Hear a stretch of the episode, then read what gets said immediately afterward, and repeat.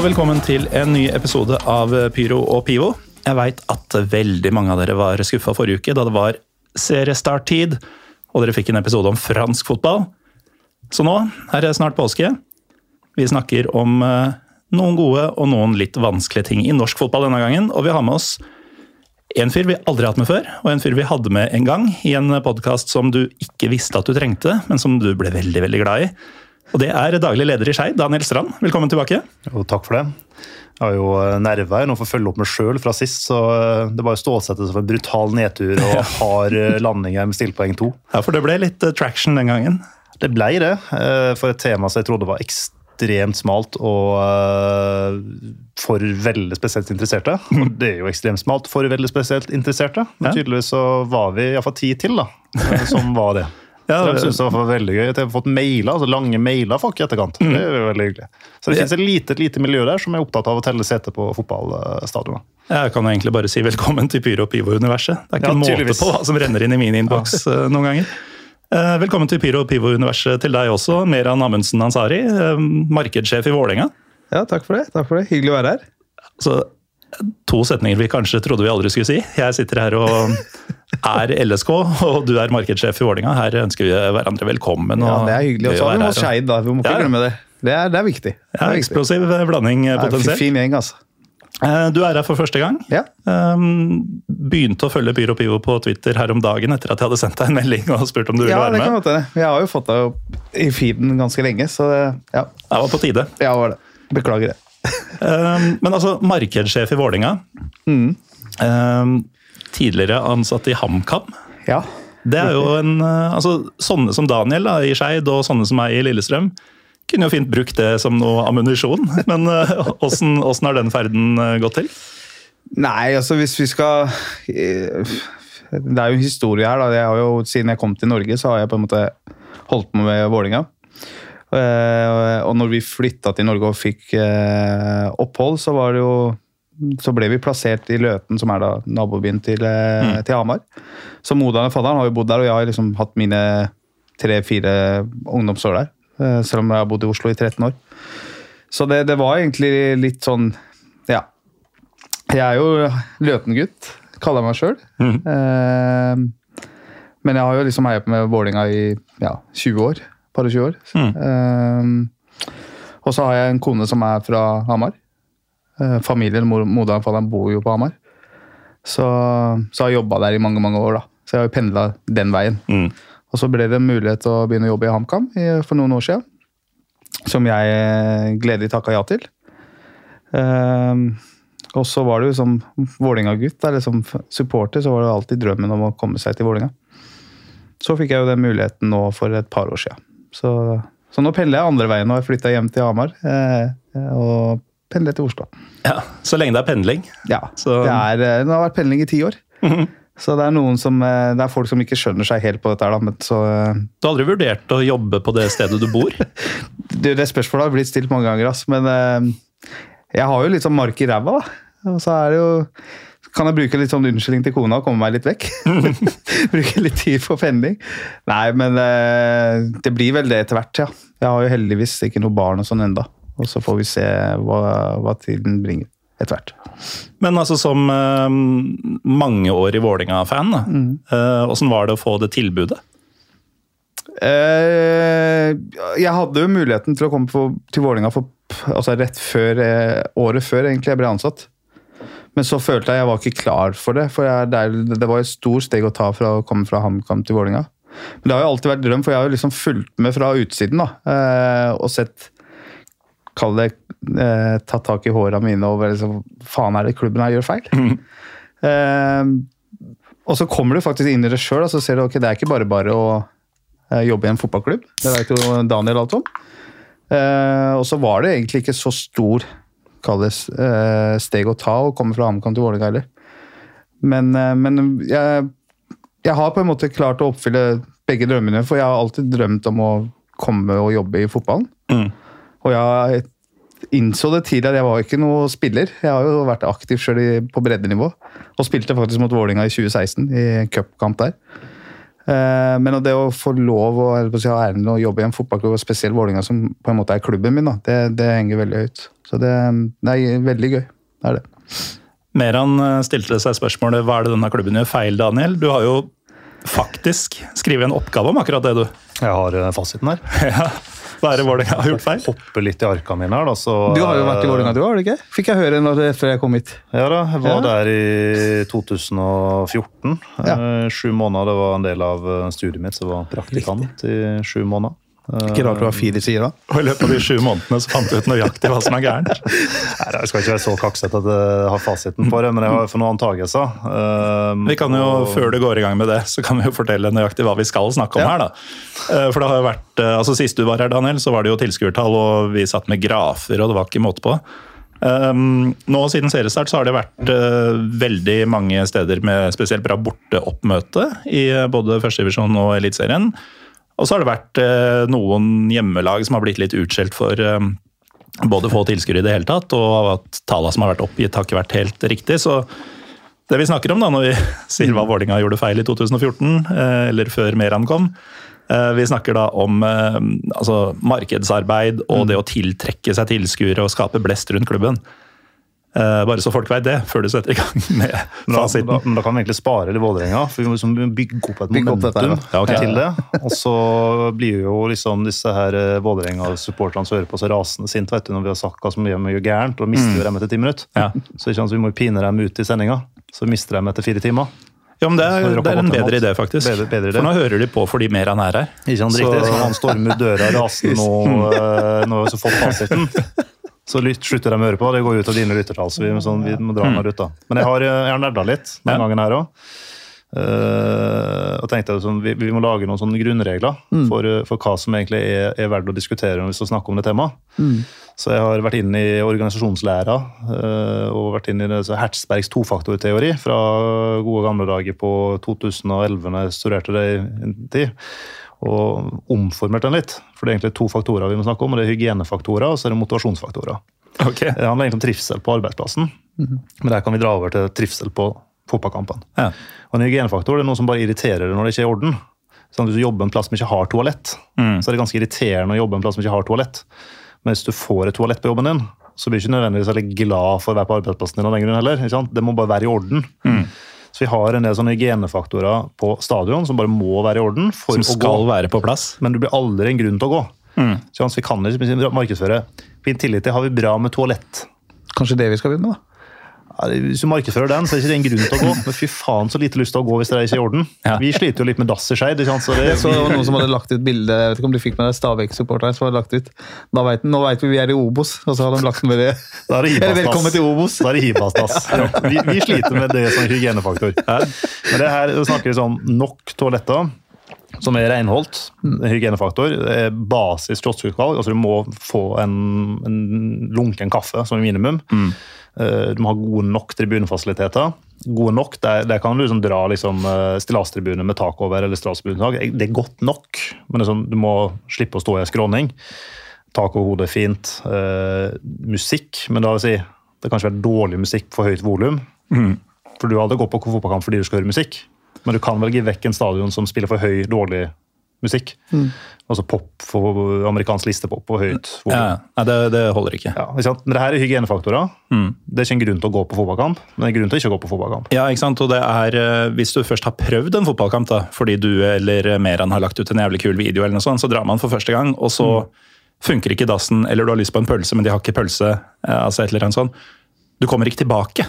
Altså, Du holder ikke på de som gir dette en sjanse. Nei, ikke sant? Og, det, og det kan vi heller ikke ta inn i markedsføringa vår. Uh, kom til Intility og se Vålerenga, vi har tak.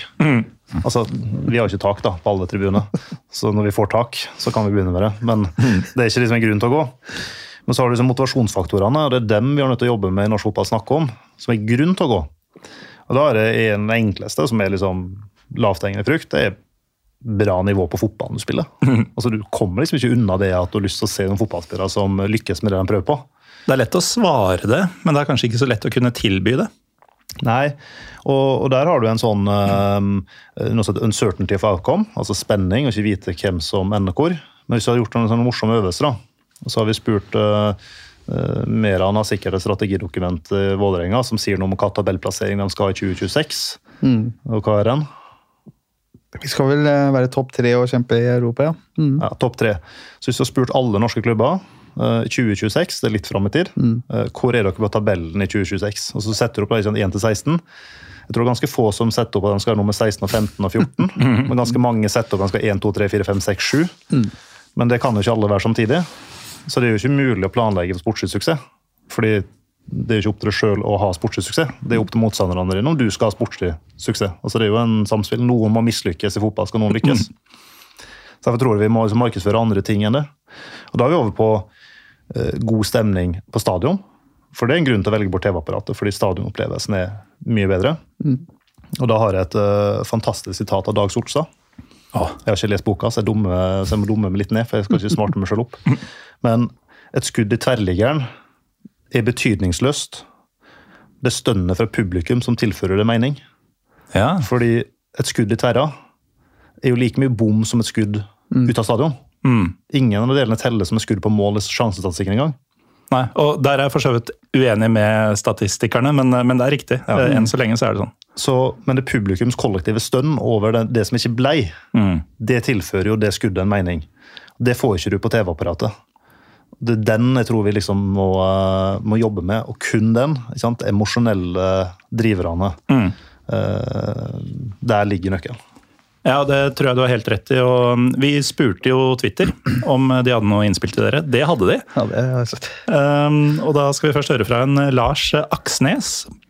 Som snakker litt om akkurat det her. da, Dette med forskjell på stadion og TV. Eh, For der har de jo spesielt i Bodø Jeg vet ikke om dere har sett den debatten som har rast her. Er altså, Postmaster Ja, ja. eh, Hva var det for noe? det, det, det er kjemperart, fordi um, Nå veit jeg ikke om eh, Lars eh, har noe med Bodø å gjøre. Nei, han er viking. Eh, men jeg snakker, altså jeg kjenner ganske mange nordlendinger. Jeg snakker med dem og jeg skjønner hva de sier. og jeg, jeg trodde jo at jeg visste en del om fotballkultur og sånn. Men når jeg leser den tråden der, altså jeg, jeg skjønner seriøst ikke språket. Jeg veit ikke hva de snakker om. Hvem er hvem? Altså Toastmasteren og opproper og bjeffing og det, altså det, det Jeg skjønte ingenting. Men men det, det jeg forstår er jo at Den gule horde er jo liksom den eh, opprinnelige eh, starten på supporterbevegelsen. Hvor du gikk fra mann i, eh, i frakk og hatt til supportere med på en måte, farga klær og uttrykk i Norge på 70-tallet. Men, men det de driver med nå, det- jeg forstår ikke hva det er for noe. Nei, og alle som prøver å skape liv på den måten, altså i hvert fall Meran og min eh, klubber er vant til at det er liv, da. De blir jo bare hivd ut derfra, sånn ganske systematisk.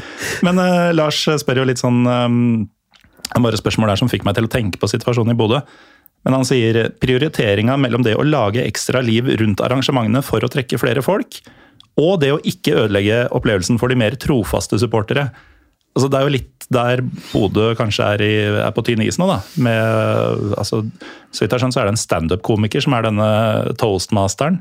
Eh, og så var det da tror jeg opproperen er det vi andre kaller forsanger eller capo på tribunen.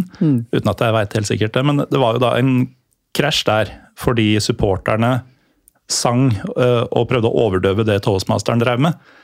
Eh, hvis jeg skjønte riktig. Og det er jo akkurat dette det er snakk om. da. Altså, du prøver å lage litt liv for at vanlige mann i gata og familier og sånn skal komme. Og så blir eh, supporterne som skal lage organisk stemning, sure. Eh, og så blir det liksom ingen blir fornøyde. Så det Lars lurer på er egentlig fins det en gyllen middelvei. Og dette må jo være noe markedsavdelinga tenker mye på og snakker mye om. Mer. Mera. Ja, altså, vi, vi kan jo se, vi har jo på en måte klart Eller vi prøver nå da, å fornye oss, spesielt på markedsavdelinga hos oss. Eh, fått inn nye krefter som aldri har vært inn i fotballen. Som kommer fra andre bransjer. Eh, som kanskje ikke har vært på fotballkamper før heller. Eh, I hvert fall ikke mange kamper, da.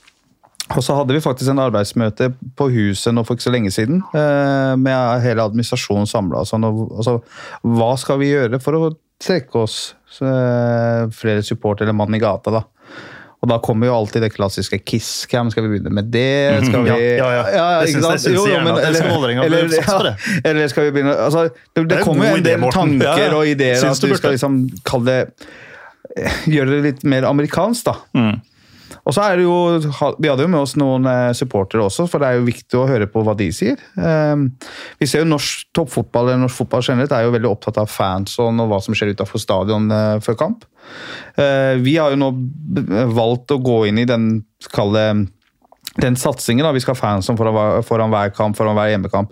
Og så er det liksom å være bevisst på at ok, når vi har 18 kamper, så kanskje man skal kjøre familiebudskap på det. Og når det er 20 kamper, så tenker vi litt større med at det er menn kjøre øl, kjøre burgere utafor og være litt mer voksenfansen. da. Mm. Så det er en vei å gå. Men eh, jeg tror jo at jeg ser jo, altså Hvis vi skal trekke frem noen, da. Jeg syns jo den jobben Viking har gjort mm. Uh, med å liksom ha et uh, nå, nå, nå, sier jeg ikke at vi skal ha konserter og sånn foran hver kamp, men å, å gjøre noe på selve stadion. da.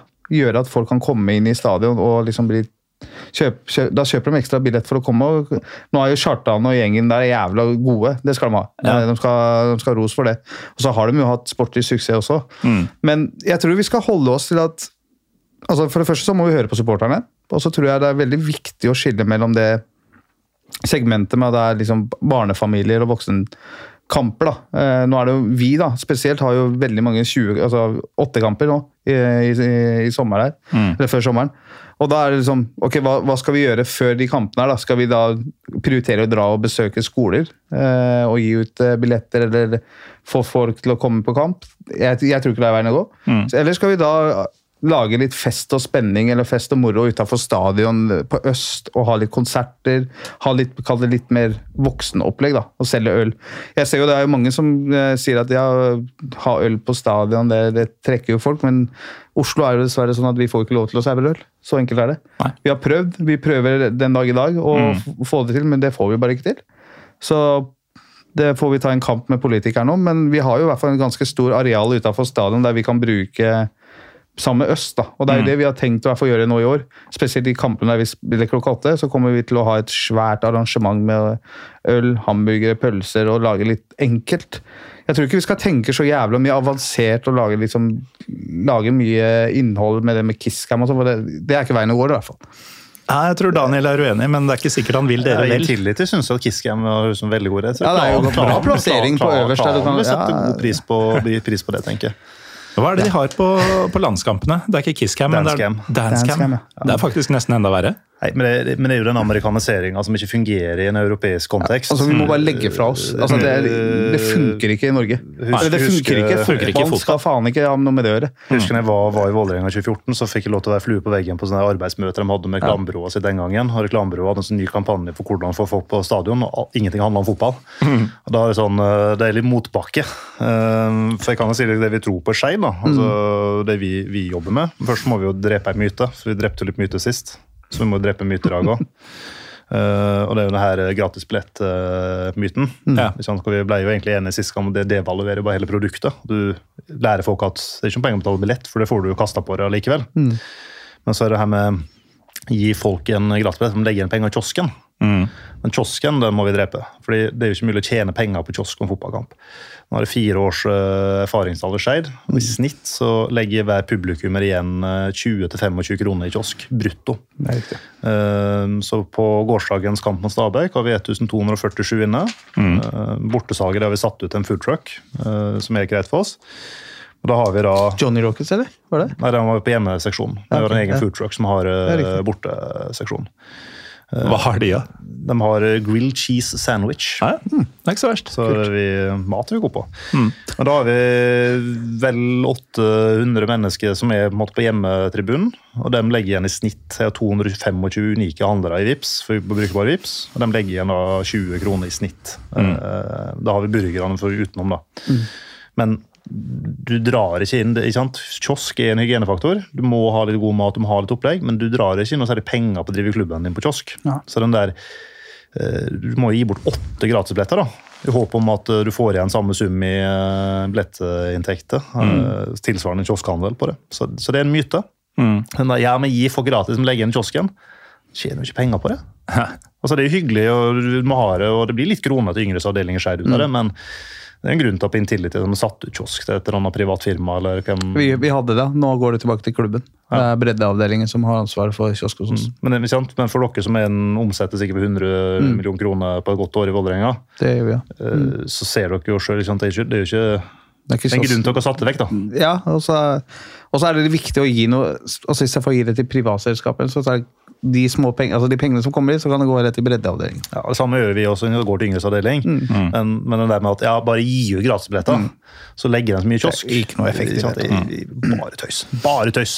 Ja, altså På Åråsen så er det vel så vidt jeg vet, eh, ungdomsavdelinga som drifter og driver ja. kiosken. og Da er det jo frivillige der, og det er eh, altså, Det blir jo veldig likt.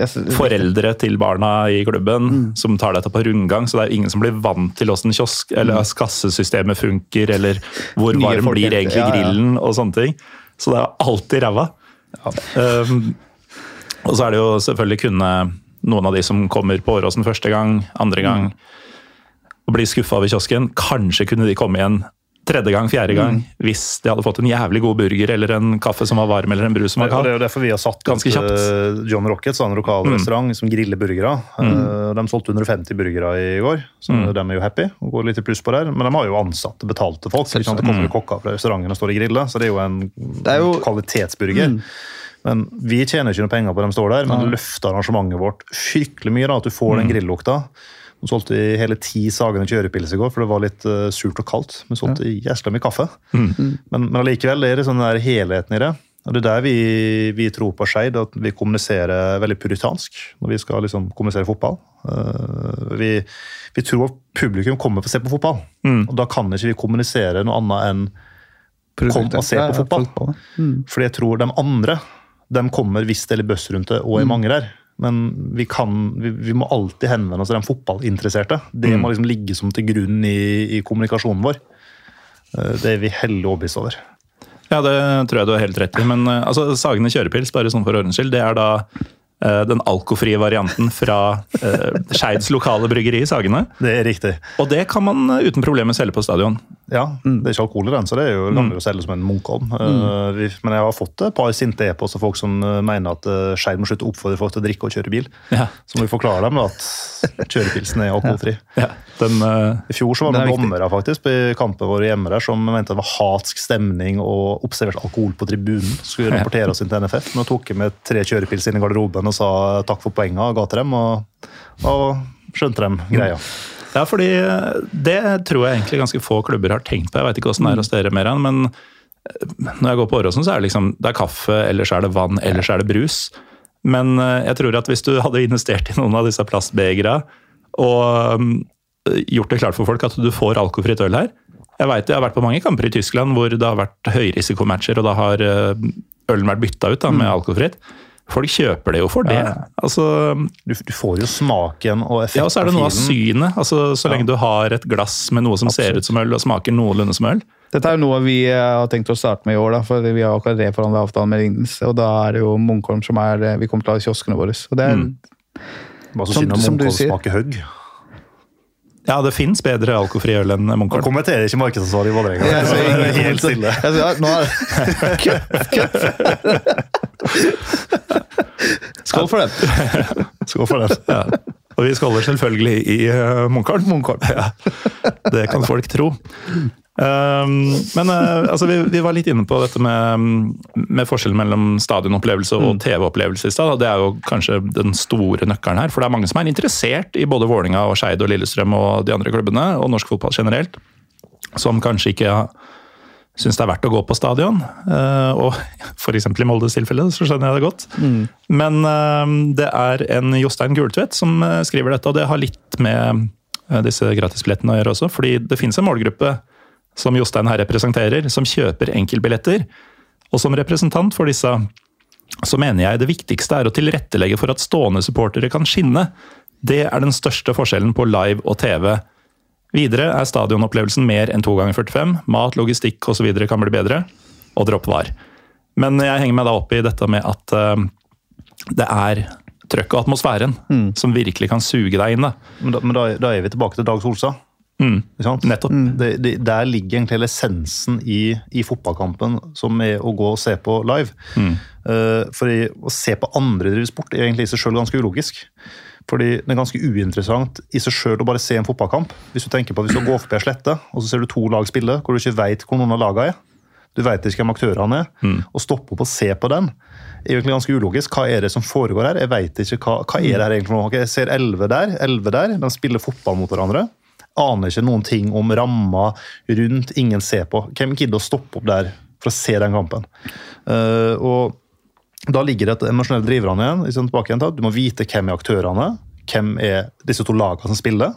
Ikke sant? Det er viktig for oss. Men vite hvem er spillerne på banen. Det har en verdi å vite, egentlig, vite hvem du skal mislike på bortelaget. Ja, har du sånn mulighet til å skape sånn de gode mot de onde-narrativ? Ja. Så du må vite hvem aktørene. Og Der har vi jo 100 år pluss med historiebygging og tradisjonsbygging i norsk herrefotball. For damefotballen sliter jo litt med at de har ikke den like langvarig historie- og tradisjonsbygging.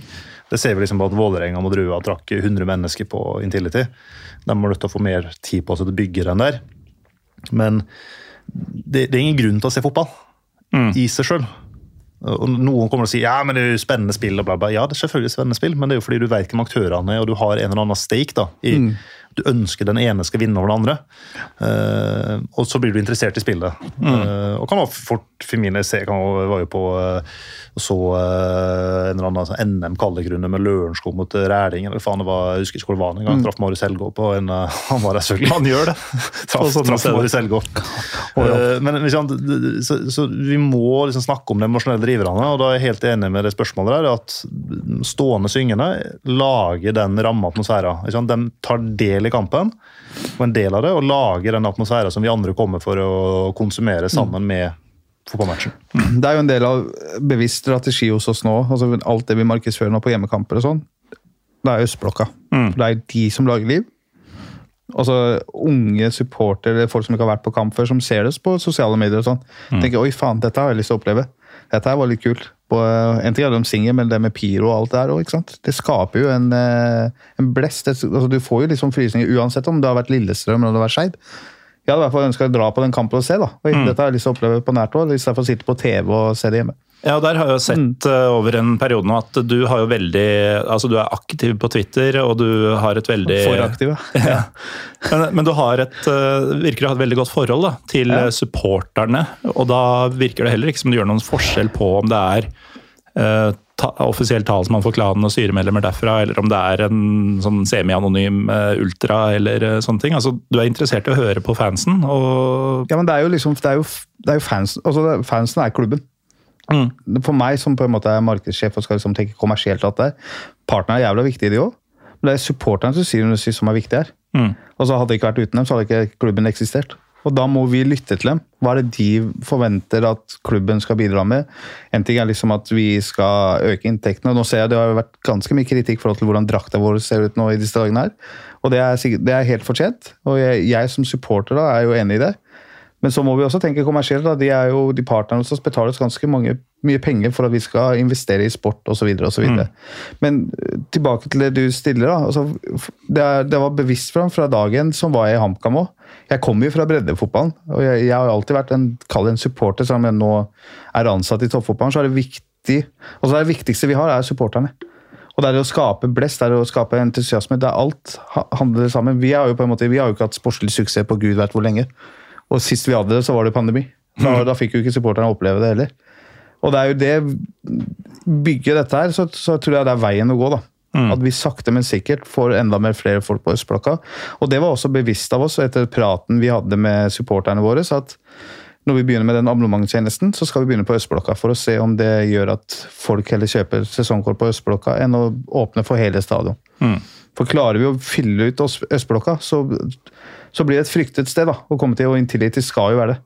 Ja, for det er jo en svær tribune, og det er en bratt tribune. og Ja, det man, man, har fått satt opp, her, så ja. ja, man har fått satt opp de sideveggene av akustiske hensyn, og man har det TIFO-oppheng og sånn. altså Alt ligger jo til rette. det, det er vel den beste tribunen for stående synging? Ja, uten tvil. Det, det tror jeg mange Eh, Det tror jeg man eh, Nå får jeg kalle meg en objektiv part her, da, sånn sett, som ikke heier på Vålerenga. Men jeg, rent sånn infrastrukturmessig, Ja. med at du har et sammenhengende felt. Mm. Den er bratt, det har ti vegger. fotpoeng, vegger, utsiktssyn. altså Det er jo en kjempetribune. Alt ligger til rette. Alt ligger til rette. Må bare, du må bare få inn folka. videre, men der tror jeg det er, eh, uten å liksom snakke frem meg sjøl eller eh, de som er aktive, det er, det er viktig at vi ansatte i klubber da, er enda mer ute og viser støtte til supporterne. Mm. For det er, eh, altså, vi skal ikke sitte der og liksom tro vi er noe, for vi, vi er en del av dette, vi òg.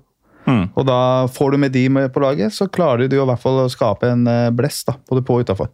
Det er litt andre dimensjoner hos dere på Nordre Åsen, Daniel. Men eh, altså, jeg hadde jo okseleder Olsen på besøk her for ikke så veldig mange uker siden. Da handla det om MLS, eh, for så vidt. Eh, Men hvor viktig er samarbeidet med, med deres supportere? Dere Det er kjempeviktig, men det er jo en av disse ingrediensene som skiller Skeid fra en del andre klubber som har vært på nivået vi har konkurrert på de siste åra. er At vi har faktisk en, eh, en supportergruppe som synger. Uh, og det, det er en viktig ingrediens i, uh, i fotballopplevelsen da, eh, for en publikummer. Altså for en La oss si en eh, nøytral innflytter som bor på Torshov, Grünerløkka, Sagene, som liksom lyst til en tur opp og Nordre Åsen og se fotball. Så du har fått noen som tar del i kampen, ikke sant? som eh, live uh, gir feedback til dommeren fortløpende. Det setter dommerne pris på. Altså Du har noen som lager den opplevelsen eh, og tar del i kampen, er utrolig viktig. Så har du tatt bort skeidoksene fra på en måte eh, ingredienslista i Skeid og laga samme resultat. Så har det vært mye mye tristere. Altså, det er bare å ta turen opp på Kjelsås, da hvor det ikke ja, er 40-50 som møter opp og ser på. da, Sitter jo stille og ser på. Altså, Det er jo ikke noe kampopplevelse. De piper litt grann og jubler for mål, men det er jo ikke noe det, det er ikke noe supportermiljø rundt det. Eh, Så Skeid er utrolig avhengig av å ha det. De er jo ikke volummessig den største supportergruppa i Norge, men de er der. Altså, de er kanskje 15 på en dårlig dag og 60-70 på en god dag, men de er med der og lager den opplevelsen. Og det skal ikke så mange syngende til før det faktisk er litt effekt og trøkk. Og i går så er de på høyde med Stabæk-fansen, eh, selv om de tallmessig er flere. Mm. Så det er en viktig ingrediens i det. og får en mail fra noen gærne foreldre i ny og ne som har hørt et eller annet ukehjemsord, som må forklare på en måte at um, det, er, det en kontekst, det er en fotballkulturell kontekst. Det er noen ord som er lov å bruke der som ikke vi bruker utafor banen. Og så syns jo ungene at det er jo litt gøy å sitte i nærheten og høre på. Så, så det lager liksom eh, Det lager en bra ramme. Og jeg er jo sånn hellig overbevist om at ingen har noensinne gått på fotballkamp for pauseunderholdning. Ingen kom på fotballkamp fordi de blir malt som en tiger i ansiktet. Men de kommer for liksom å høre på de greiene her. Ja. For liksom se litt hva er det her for noe, og bli nysgjerrig og synes det er spennende. Og så får du liksom litt nye supportere i framtida ut av det. Så, så det, det, det er helt avgjørende.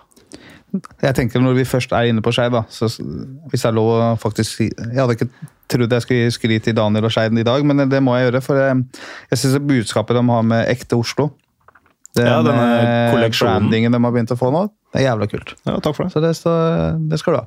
Vi er, fornøyd med det. Vi traff, det godt.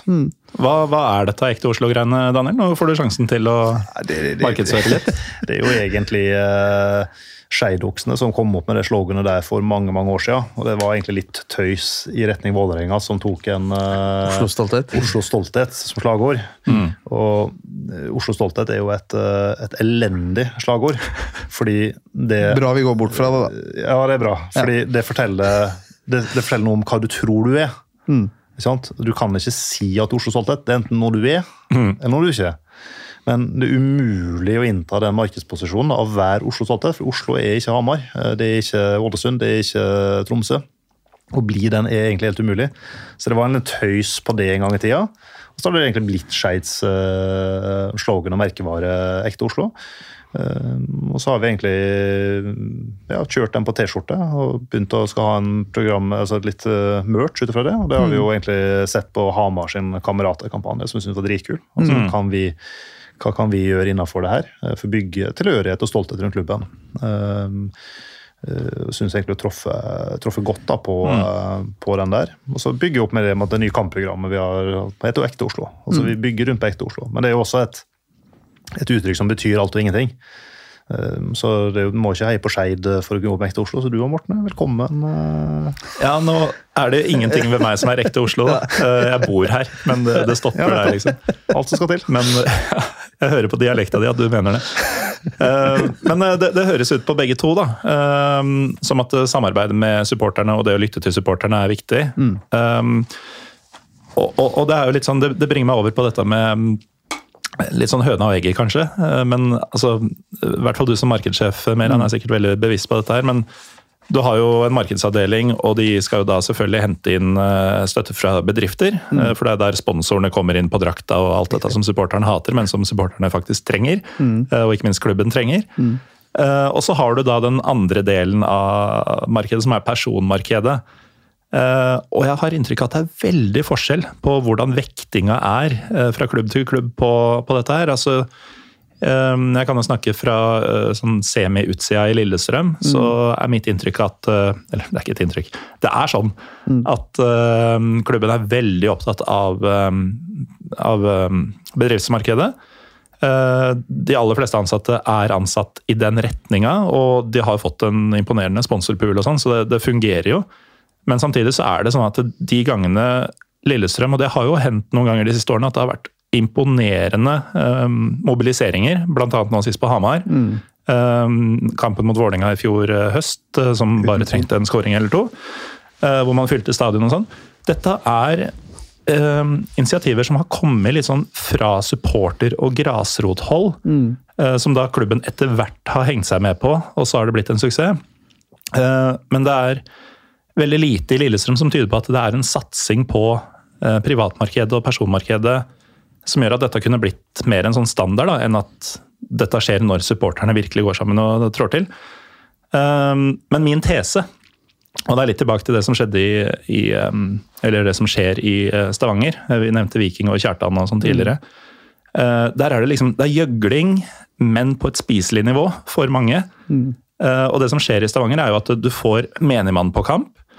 Eh, du har i samme slengen selvfølgelig med sportslig suksess. Da. Du har fått et levende supportmiljø som du ikke har sett maken til i Stavanger noensinne.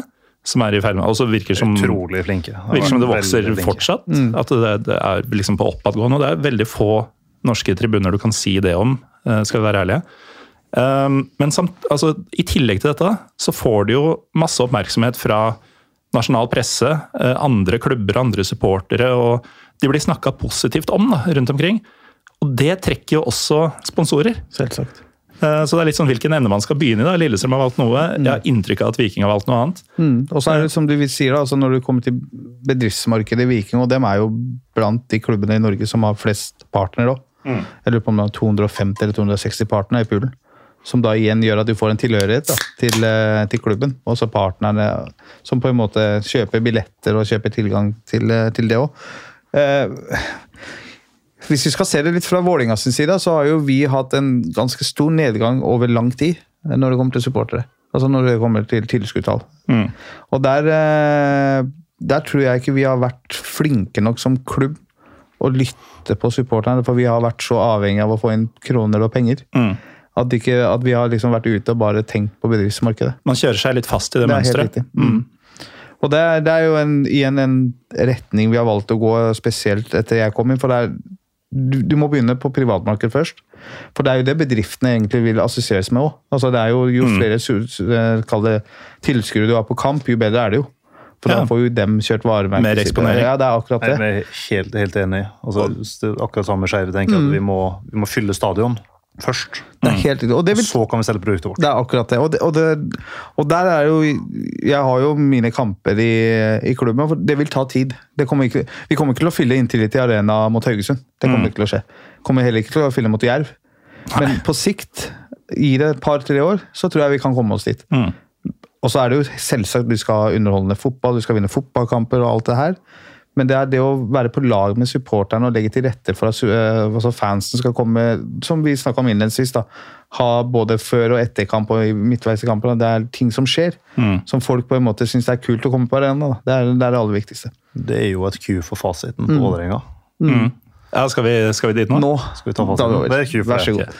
Hva var problemstillinga før vi tar fasiten? Nei, det var egentlig hvordan kan Vålerenga mobilisere Oslo og fylle Ullevål, ja. som var egentlig i 2014. Eh, da var jo Intility fortsatt uh, fram, i, fram i tid. Ja.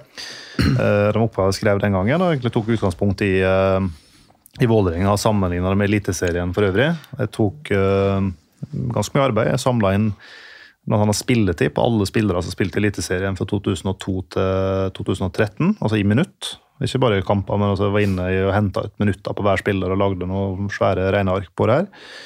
Kategoriserte det. Og så kjørte jeg for nerdene da, litt regresjonsanalyse, som er veldig enkelt forklart. Eh, hvis en enhet beveger seg i en retning, beveger den andre seg i en retning. altså en sammenheng mellom disse to her. Altså, Eller ikke sammenheng, da, men altså om det er en sånn såkalt korrelasjon.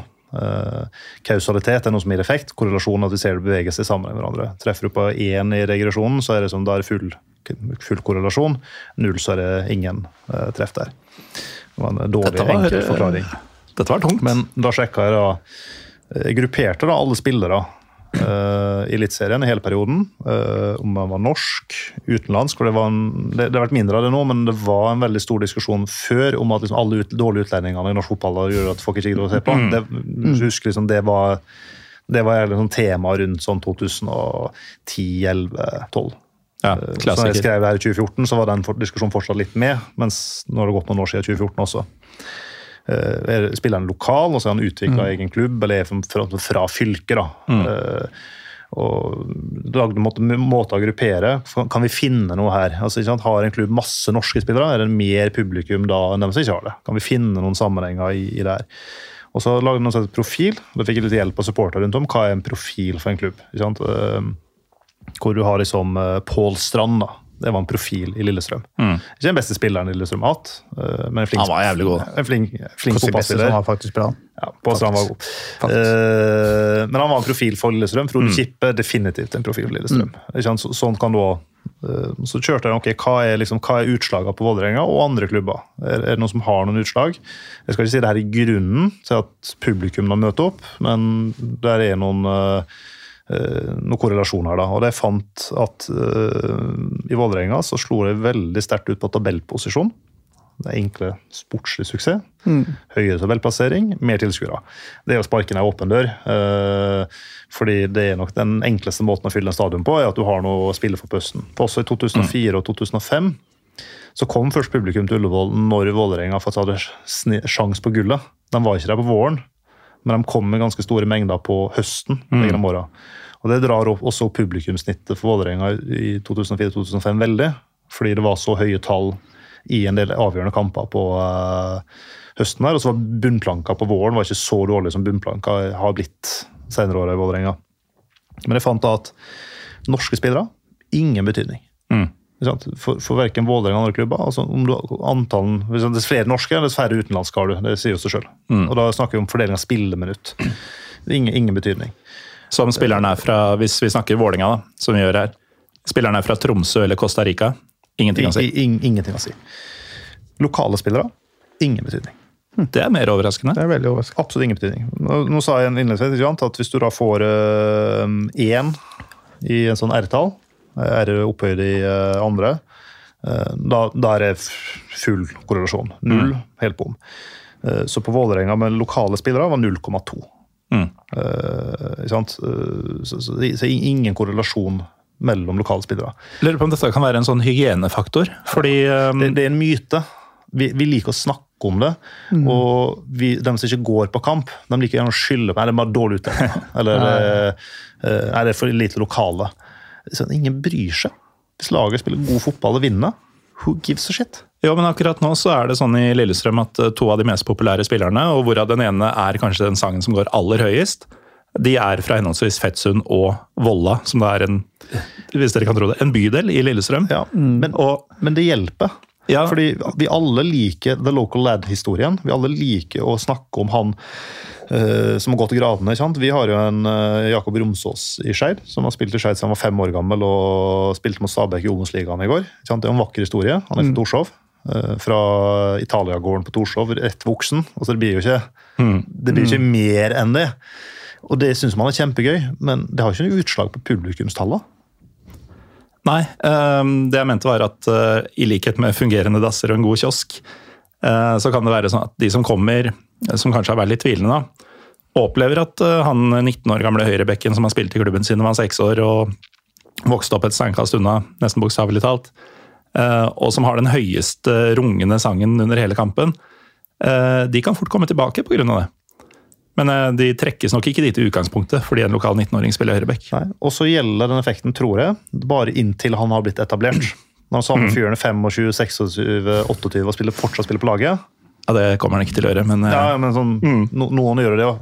Det var ikke så viktig med Frode Kippe når han var 37-38, som når han var litt yngre. Nei. Sånn, ung talent har en egen litt sånn effekt. da. Men, men det er nok en myte, min påstand, at det er hyggelig og gøy med egenutvikla lokale, men det er faktisk ikke god nok grunn til å gå på fotballkamp i seg sjøl. Mm. Men det som slo veldig høyt ut for Vålerenga, enda mer enn uh, tabellplassering, det var profiler.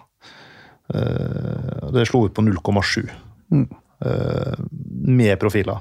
Og det slo også ut greit for Eliteserien som helhet, men veldig sterkt i Vålerenga. Og eh, så du kan forenkle og si sant, gode tabellplasseringer, masse profiler. Da får du et godt publikumsoppmøte i Vålerenga. Det er ikke noe revolusjonerende. eh, det har sikkert mer han har tenkt ut eh, på egen hånd. Han har ikke fått fasiten her i dag. Men da blir det litt sånn høna leger, da. For det blir sånn Når blir profilen profil? mm. Og hvordan skaper profilen? Der tror jeg, i tillegg til det vi har snakka om før, med å dyrke stemning av supporterne, og sånn, så må vi òg få fram profiler av norsk fotball. Og det er virkelig en tøff materie å jobbe med, altså. Men at det slår ut uh, høyt i Vålinga, det er egentlig ikke overraskende. For det er jo en klubb som altså, de- Vålerenga får jo mye omtale i mediene generelt, og da blir det jo sånn at uh, hvis en spiller gjør det bra, eller en spiller er litt breial, så, så blir det mye spalteplass, og da blir det jo fort profiler også. Jeg husker Rolex-gutta i fjor og eh, veldig mange opp igjennom. Men du ser jo veldig klart nå, da, altså når vi henter hjem Aron, da. Mm. Og så ser du sesongkortsalget og salget av Flyr i været. abonnement. altså, det, det var, altså Hvis du tar, henter fram i grafikken, så var det dag og natt. altså Det, Mm. det, det var helt sjukt. Både med han, og nå var vi jo heldige med også med Jeg vil kalle det en profil, da, når vi også får inn eh, Joakim Jonsson, som på en måte er en litt annen Han er jo en profil. Han er jo det, Ja, han er en eh, som, som sportssjef òg. Skaper Og det er, eh, det, er en, det, det, det er jo den veien vi har å gå. Altså, Mm. det er jo, vi savna jo det litt spesielt. En ting er at Du kan snakke om det sportslige Aron bidro med i fjor. Eh, Vi, vi på å si, dabba jo av, men det står også på interessen og snakkisen rundt Vålinga når Mm. han, han ikke var der i fjor. Så er det, Alle klubber har jo en vei å gå der og, og bygge profiler og skape nye profiler, for det er ikke bare enkelte heller. Det er det å få de spillerne ut av komfortsonen og liksom by- bjuda litt mer på seg Mm. sjøl. da. For det er ikke naturlig for alle Nei, det er profesjonelle ikke- Nei, fotballspillere. det er helt det, utrolig mye. det er kjempevanskelig. fordi hva, hva er en profil? Uh, vi har jo to profiler av norsk fotball som er ganske ulike som typer. Det er Bråten og Vidar Riseth. Mm. Eh, Vi kan si at begge er profiler av norsk fotball, Ja, men ganske ulike hvis du tar dem intervjusetting på uh, hvem som byr litt på, hvem som gir et sjarmerende smil. Eh, likevel, begge har blitt profiler. Så, så, så jeg vet liksom ikke når de blir profilen profil. Hva kan vi gjøre for å få dem til å bli det? Mm. Uh, Så det er jo et samspill med media, sosiale medier, men jeg tror at det må komme fra personligheten til, til spilleren sjøl. Altså. At det må være noen som vil ta litt rampelyset og, og Ja, altså- klare å liksom, ta den rollen. Mm, og så ser jo liksom, Hvis vi skal se litt i garderoben til, eh, til Vålerenga, da, så er det sånn spillerne har sjøl en vei å gå. For det er jo mange som ikke ønsker å komme i rampelys. Mm. som ikke og det, det har vi vært veldig bevisste på nå, spesielt eh, Tina hos oss, som skal jobbe med dem døgnet rundt. egentlig. Og vi, vi må få dem enda mer frem. Eh, Det er liksom ikke, som sagt, Vi hadde nesten ikke en profil før eh, Aron kom tilbake nå. Man Må har nesten legge stillingsbeskrivelsen. ja, nesten. Du skal Altså, du, du ut i må, mediene. Du må opp Mm. og fram. Eh, en ting er at du skal selge, vi skal selge flere sesongkort, vi skal få flere tilskudd inn, men du skal jo selge deg sjøl òg. Altså, du skal jo på en måte være litt mer interessant for media. Det skal bli skriveri om deg sjøl òg. Ja, og det du får jo verdien din opp. Spillerne, det har vi jobba med Skeid. Vi har hatt workshop og jobbet med det. Spillerne må skjønne og være med på at pengene du får i lønn, Det er det helt kommer dem som kommer og løser billett for å se på det. Det er helt for riktig. det løser sponsorene i neste sammenheng. Mm. Hvis dere ikke er med og bidrar på det, og bare er opptatt av å skaffe fribilletter, så er det ikke penger til lønn. Nei, nei, nei. Da må vi spille fjerdedivisjon. Da er det gratis. Så, så, så, så spillerne er også nødt til å være Mm. med og by på seg sjøl, stille opp for unger, skrive autografer, Absolutt. legge ut i sosiale medier og være stolt og Og klubben sin. ja. Og, og så bygge seg sjøl som en profil. Altså, det er ikke noe Markedsavdeling av klubb kan ikke vedta at vi skal ha profiler. Nei, Det, det, det, det, funker ikke sånn. Men, det, men der, igjen da, så mener jeg at vi, vi har et ganske stort ansvar, vi som på en måte jobber i klubb, og vi må få dem til å innse det. For det, er, det- er ikke bare bare for en spiller, for de skal jo mest fokus på sport. Men de må skjønne at eh, er du en profil, så gjør det at du blir mer ettertraktet der ute, og så får du flere tilskuere, sponsorer og alt det her òg. Og du får høyere lønn. Det kan du også få, ja. Eh, men eh, altså, Magnus Borgen, eh, forfatter og Vålerenga-supporter, og en fyr som prøver å frodiggjøre ørkena i Jordan, men det, det er en annen historie. Han stiller et spørsmål om akkurat dette. Er det mer krevende å få fram store profiler i dag? Både Vålinga og Skeid har historisk vært flinke til å få fram profiler som store deler av Oslo by var på fornavn eller kallenavn med. Har klubbene sovet i overgangen fra et 'alle ser på NRK' til et mer krevende 24-7 medielandskap? Altså, Det gjelder jo ikke bare disse to klubbene, men det er jo fordi dere to er her at han stiller akkurat det. Men uh, det må jo være eh, Du har vært litt inne på det. Det må jo være utrolig vanskelig å få spillere som vil fokusere på fotballen bare, til å godta og innse at nei, du må være tilgjengelig for både supportere, for media, for sponsorer osv. Altså, dette er en fulltidsjobb. Um, altså, ut, utover det å komme på treningsfeltet på morgenen, bli der til ettermiddagen, spille kamp i helgene osv. Men det er den bevisstgjøringen. da. Jeg hadde en diskusjon om en agent av en av spillerne våre som mente at ja, men det ligger ikke i kontrakta, så han skal ikke stille opp. Og Da sa jeg du, da har du feil, valgt feil bransje. ass. Altså, hvis, du ikke, du, hvis du er fotballspiller på Vålerenga og ikke skal være med og bidra ut i markedet, eller ikke stille opp for eh, sponsorer eller noe sånt, så da tror jeg kan det kommer til å bli noe. Han var jo enig i det, men det liksom, for da ville han ha det. Da måtte han ha ekstra inntekter eller ekstra penger for å stille opp. Da, men heldigvis så klarte han å snu der, så han skjønte det. Men det er, det er som du sier, det er ganske viktig, det. Men eh, altså Hvor mye eh, makt har en spiller i en sånn posisjon? Hvis eh, han har en litt sånn La oss si en sånn semikriminell agent som har et navn som ligner litt på landslagssjefen sitt, eller noe sånt, som har veldig mye makt i Fotball-Norge og, eh, og sånn. Altså, kan de faktisk komme seg ut av sånt? Eller kan klubbene rett og slett kreve at jo, dette er en del av jobben? Selv om det ikke står spesifikt i kontrakten. det står i kontrakten, Ja. så man må ta del i en del markedsoppdrag innenfor Vi- den rimelighetens eh, grense. Men det, det der tror jeg ikke, vi opplever ikke det. Jeg tror ikke Vålerenga eller Skeid som noe stort problem. Spillerne Nei. ønsker det, eh, å ta del i sån, sånne ting.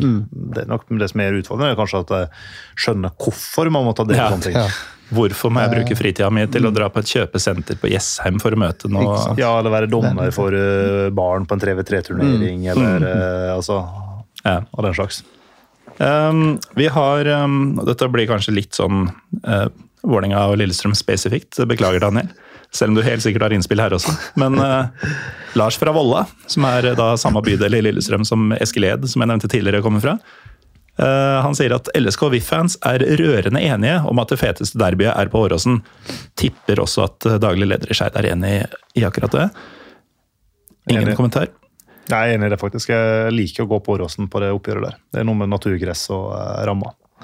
Og så mener man at eh, særlig etter at Vålinga også flytta til Intility da, fra Ullevål, eh, har gitt en ekstra piff, selv om det bare har vært et par oppgjør der foreløpig. Eh, LSK har fortsatt å gi VIF mange flere billetter enn de har krav på, inspirert av Stockholmsderbyene med to store klakker. Hva kan Vålinga gjøre for å bygge opp sitt derby? Altså når dere har hjemmekamp, eh, Meran? Nei, altså jeg husker jo, var det i fjor var det vel, Jeg ble jo kontaktet av en del Lillestrøm-supportere. Var det supporterlederen også som jeg hadde ganske god prat med. da. Og Det er ikke noe tvil om at personlig i hvert fall, så ønsker jeg å gi både større tilgang for det. Altså det, er, det er det største derbyen som er i Norge. da. Og da må vi skape liv. Eh, begge veier. Og så er jo vår stadion en del større. Vi har større kapasitet på borteseksjon også. Så for, fra min ståsted så er det ikke noen tvil om at vi kan åpne opp mer og gi flere billetter. Og så har jo jeg har jo en arrangementssjef og sikkerhetssjef som kanskje ikke er helt enig med meg, men den diskusjonen skal vi ta nok internt, for det er sagt ganske klart ifra om at vi, vi, må, vi må by det på, vi òg. Nå er dette kanskje en utopi for deg som sitter med diverse fasiter, Daniel, men eh, tenk hvor kult det hadde vært hvis vi i Norge om et par år kunne Har hatt dere en, sett bildene fra Sverige nå? Altså, det er helt den der sykehus. Hamarby-videoen Ja. med bevegelig båt og Altså, bølger hallo. og sånn. Wow.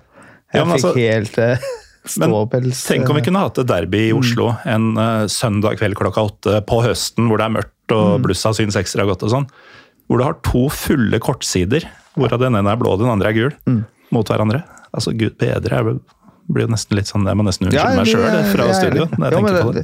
det, det er jo dit vi ønsker å komme òg. Mm.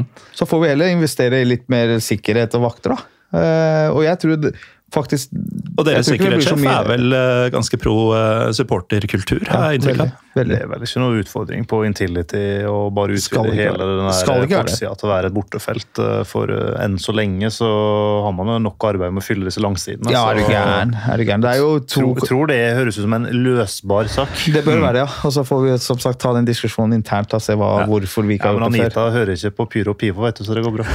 Etter i dag så gjør jeg det.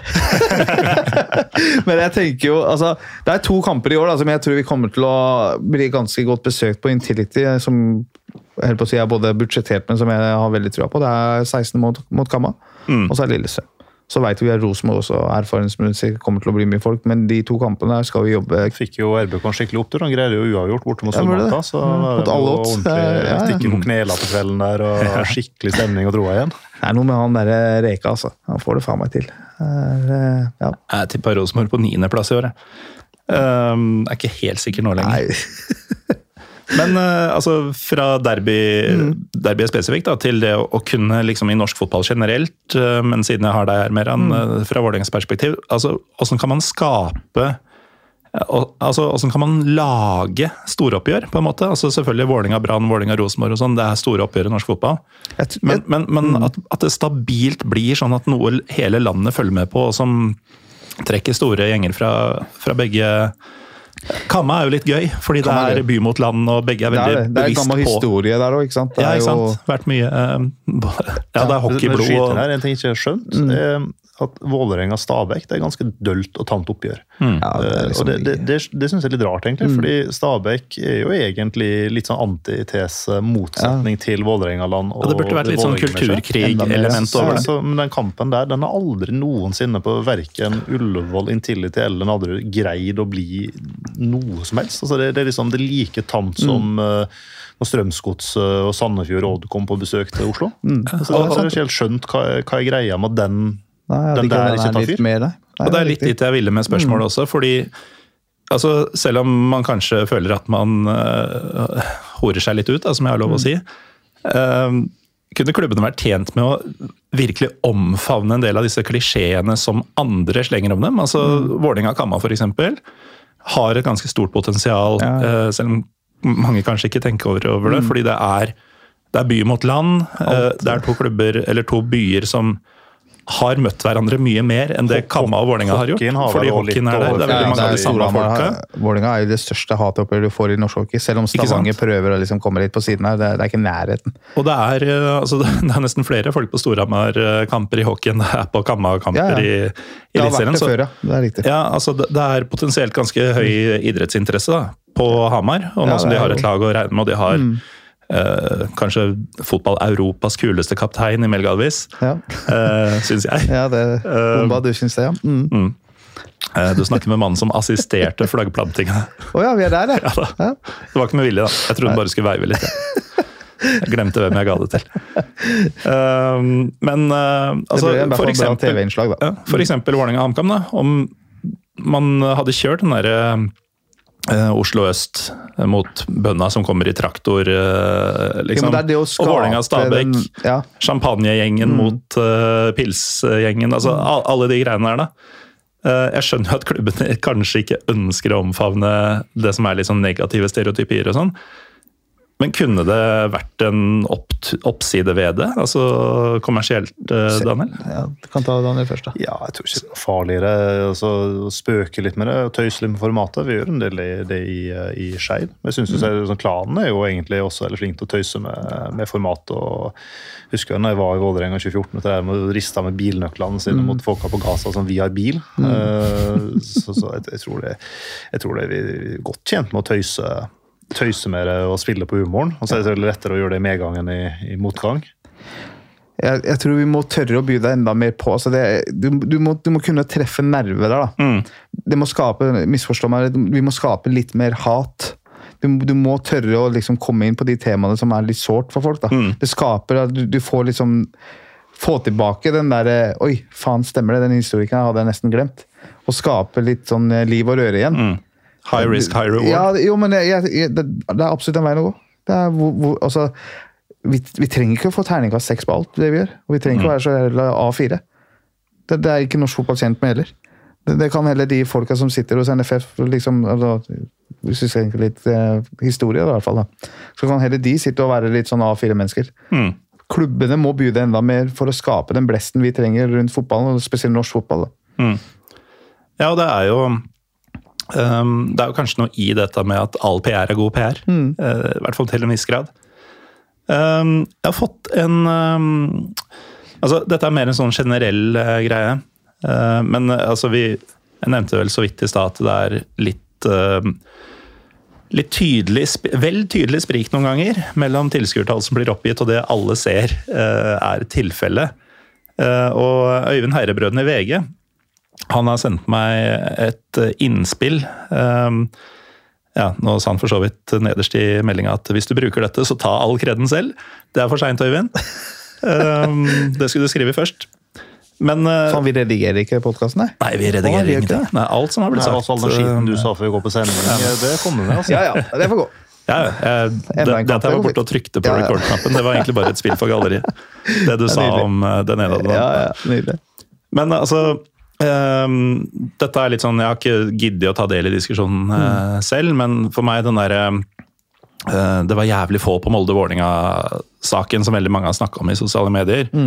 Den har blitt overtatt av at um, 6500, som er det oppgitte tallet, uh, det er prosentmessig jævlig bra for Molde. Og det kan du jo for så vidt si. Det er jo sånn én av fire i byen eller kommunen eller hva du sier, er på kamp. Men når man ser at de opererer med tallet 6500, eller hva det var, og du skjønner at det er kanskje to og et halvt der, så blir det jævlig teit at alle skal drive og forholde seg til seks og et halvt. Eh, Og så skjønner jeg at det er solgte billetter, og at eh, det da tilsynelatende er 4000 billettkjøpere eller sesongkortholdere som bare bestemmer seg for å bli hjemme denne nydelige lørdagskvelden, hvor du nesten er garantert hjemmeseier og uh, greier. Men altså, burde ikke klubbene bare si hvor mange som er der? For dette blir Jeg- jeg- jeg Når du skjønner at det er rein løgn Jeg synes egentlig Molde er egentlig litt fascinerende, for det er jo en klubb som sportslig har gjort alt Ja, helt, helt rett. riktig over lang tid. Fryktelig god klubbdrift. Fryktelig flinke på liksom, eh, det sportslige. Hente norske spillere i alderen 21-22 år, lage et godt fotballag. Spilt mye bra fotball, så gjort alt riktig sportslig. Eh, kanskje gjort alt feil utafor banen, eh, med liksom analteltet sitt og eh, en del sånne ting. Men, men allikevel så skulle man liksom tro at eh, publikum hadde kommet, da. Og at de har kommet i større mengder. fordi det hadde vi jo egentlig Rune på sist da jeg var med. Mollesen stadion er jo kanskje samme Sør Arena liksom det mest overdimensjonerte, feilbygde stadion i hele norsk fotball. Så, så det er jo helt umulig å fylle den. Altså, Meran har en umulig oppgave å fylle Intility. Mm. Med mindre han spiller e-cup og kjemper om seriegull, så går ikke det an. Eh, og Det, det, det sa jeg for verka mine i 2014, så det, ikke- det, det, det kan si hva jeg sa. Så har jo Molde en umulig oppgave der, men det, det blir litt teit når du går ut med 6500, og, som egentlig da er ganske anstendig bra tall, og så vet du når du har sett TV-sendinga at det var kanskje et par tusen inne. Det hadde jo kostet veldig lite å bare legge inn en linje i det systemet vi bruker inn klubbene og si at du har solgte billetter og antall innsjekkere. Ja, for det er jo liksom det du burde, vi burde liksom ha fokus på. Altså solgte billetter, ja, det er, det er jo faktisk solgte reelle billetter som du har solgt. Da, tids, både sesongkortholdere, du har bedriftskort og Det er penger i kassa. Det er penger i kassa, men så kunne vi også lagt med okay, hvor mange som faktisk reelt kommer på kamp. da. Mm. Det tror jeg Ja, bruker vi, Jeg tror ikke alle, vi hadde hatt noe vi bruker jo alle å- alle ja. Fellesavtale for alle klubber i norsk fotball har det. Eh, Vi ser live uh, innsjekkinga, Ja, ja, ja. så vi vet jo eksakt Hvor hvor mange mange, som var inne på hver kamp. Så det kosta fryktelig ressurser bare opp i to, to tall. Ja. Et antall solgte billetter, et uh, antall innsjekka eh, billetter. Da, da er den diskusjonen der over og ute og død. Og da går det an også å få mer verdi i statistikker og tall i framtida. Fordi når en eller annen framtidig billettnerd sitter om uh, ti år da, og ser på Molde sine tall, så var jo 6500 mot Vålerenga i serieåpninga 2022 var ganske imponerende oppmøtere. Ja. ja, det er nettopp det. Og så viser det seg at eh, sannheten er en ganske annen. Fordi det um, Altså, jeg skjønner at revisorer og hva det nå er um, eh, Jeg er ikke så bevandra innenfor den økonomiske verden, så jeg vet ikke om jeg bruker riktig uttrykk her, men jeg skjønner at de trenger eh, antall solgte billetter. Eh, Det får men- de allikevel. Så jeg, Men folk jeg, jeg generelt- vet ikke hvor den kommer fra, den greia med at man skal opp i antall solgte billetter. Jeg tror det bare For det er ikke folk sånn, interessert i. Ja, men jeg Folk tror det er som bare er i en litt sånn sjølbedrag vi har i norsk fotball. At eh, det ser bedre ut på tall og statistikk at vi oppgir Mm. solgte. Så jeg tror det er mer en sånn sjølpåla greie. For revisorene ser jo regnskapene dine, så det er ikke Mm. noe, det er ikke noe argument. Nei, ikke sant. Uh, og, altså, det blir jo bare provoserende når uh, det oppgis et tall som er minst tre ganger så høyt som det faktiske oppmøtet. Altså, alle ser at det ikke stemmer. Likevel så er det der diskusjonen ender, da, i akkurat dette tilfellet. Og det er jo ikke et menneske som er på stadion noe som helst sted i Norge eller verden antagelig, som lurer på hvor mange billetter solgte de i dag. De lurer på hvor mange er her med meg og deler denne antagelig miserable opplevelsen, hvis man er Lillestrøm-fan. Um, ja, det var den utblåsninga der. Føler du at du ble ferdig med um, fasiten i stad, Daniel? Fordi jeg veit at markedssjefen i Vålinga skal rekke et tog til Hamar ganske snart. Ja, det går bra. Nå, nå har jeg mista den uansett, så da kan jeg ta neste. Nei, vi, vi har egentlig så syns jeg mer han har svart ut uh, mye av det som jeg hadde som uh, Og jeg skal ikke ta æra for, men som jeg hadde som konklusjon den gangen i 2014. Uh, og det er jo at eh, For jeg var innom og rota med mye rart. liksom. Blant annet det her med Bare for å ha sånn gått ned gata, så sendte vi hva om Vålerenga tar neste København? Ikke sant? Fullstendig rebranding, kjører Oslo FK eh, og prøver som den. Det lykkes jo i København. Det er jo ingen som savner disse her to originale klubbene som ble i FCK. Slo ganske tidlig fort fra med at det, det er jo ingen vei å gå ned. Um, så jeg landa egentlig på at Vålerenga er en klubb som har en distinkt identitet. Altså, det er veldig mange kan man si han er ny sportssjef mellomjølk, er det det han sier? Altså Det er mange mellommjølkklubber i norsk fotball som ikke har noen identitet. Mm. Viking har vært en sånn, de er i ferd med å få en identitet, men det har vært veldig mye sånn uh, Ofte når jeg skal sette opp liksom, uh, tabelltips, sånn, så glemmer jeg Odd. Ja. Så sitter jeg liksom med 16 Faen, det siste svinnet. da. Så du har noen klubber som ikke har noen, noen særpreget identitet. Odd er veldig glad i miljøet, da.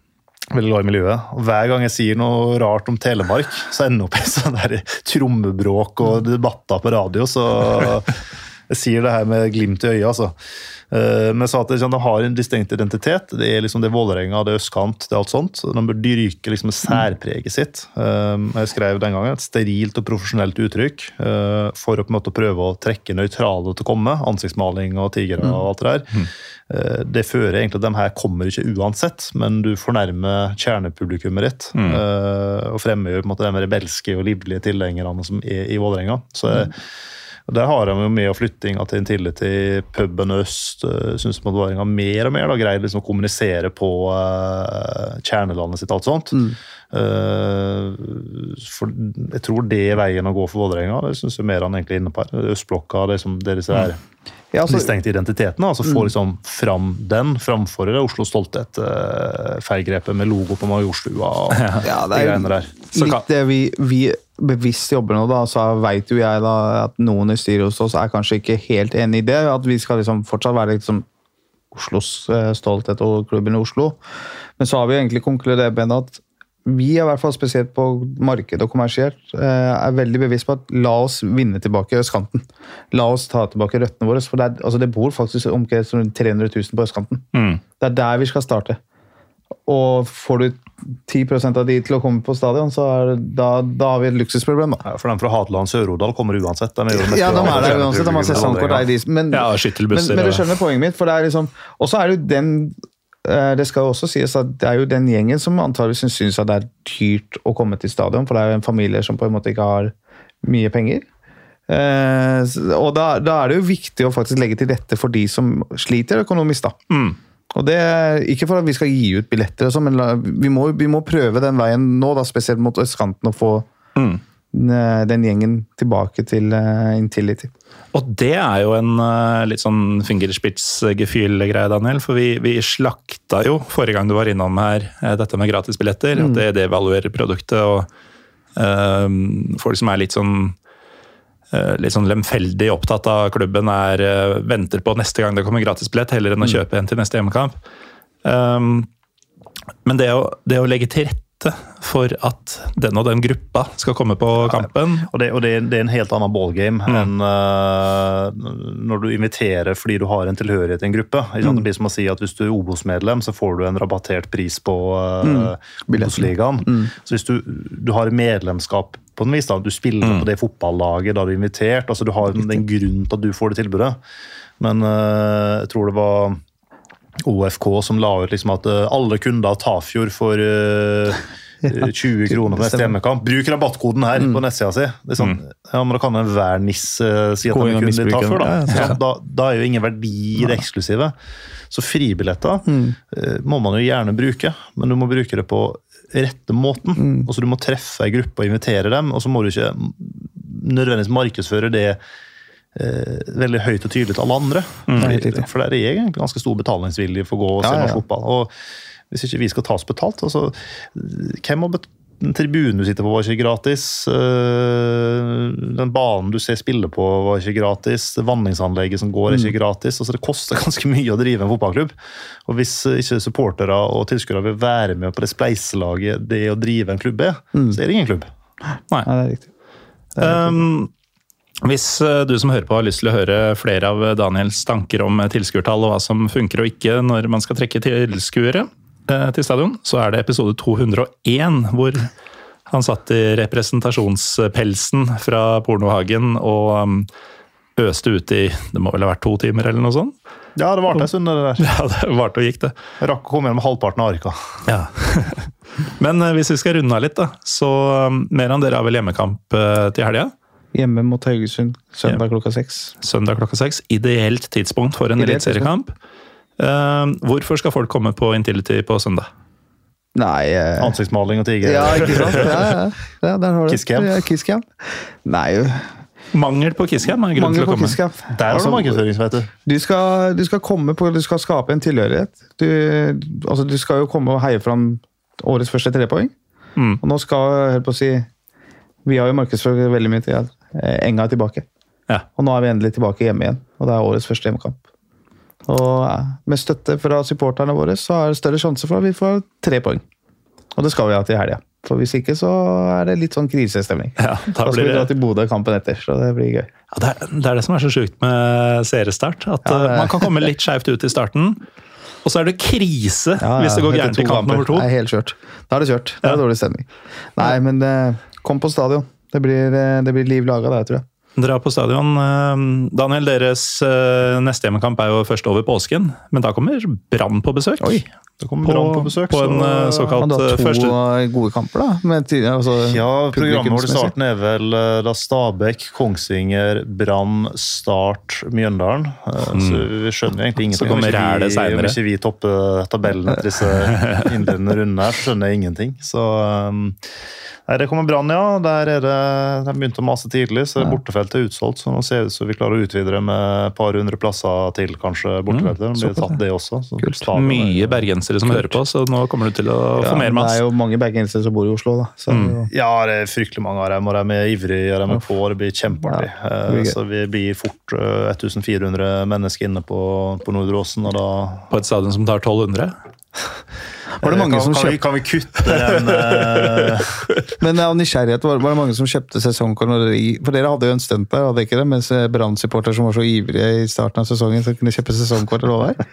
Nei, men de kjøpte noen masekoppbillett om Ja, 1000 var masse- kroner. 1000 kroner så det, det Og noen gjorde det. Noen har kjøpt det, ja.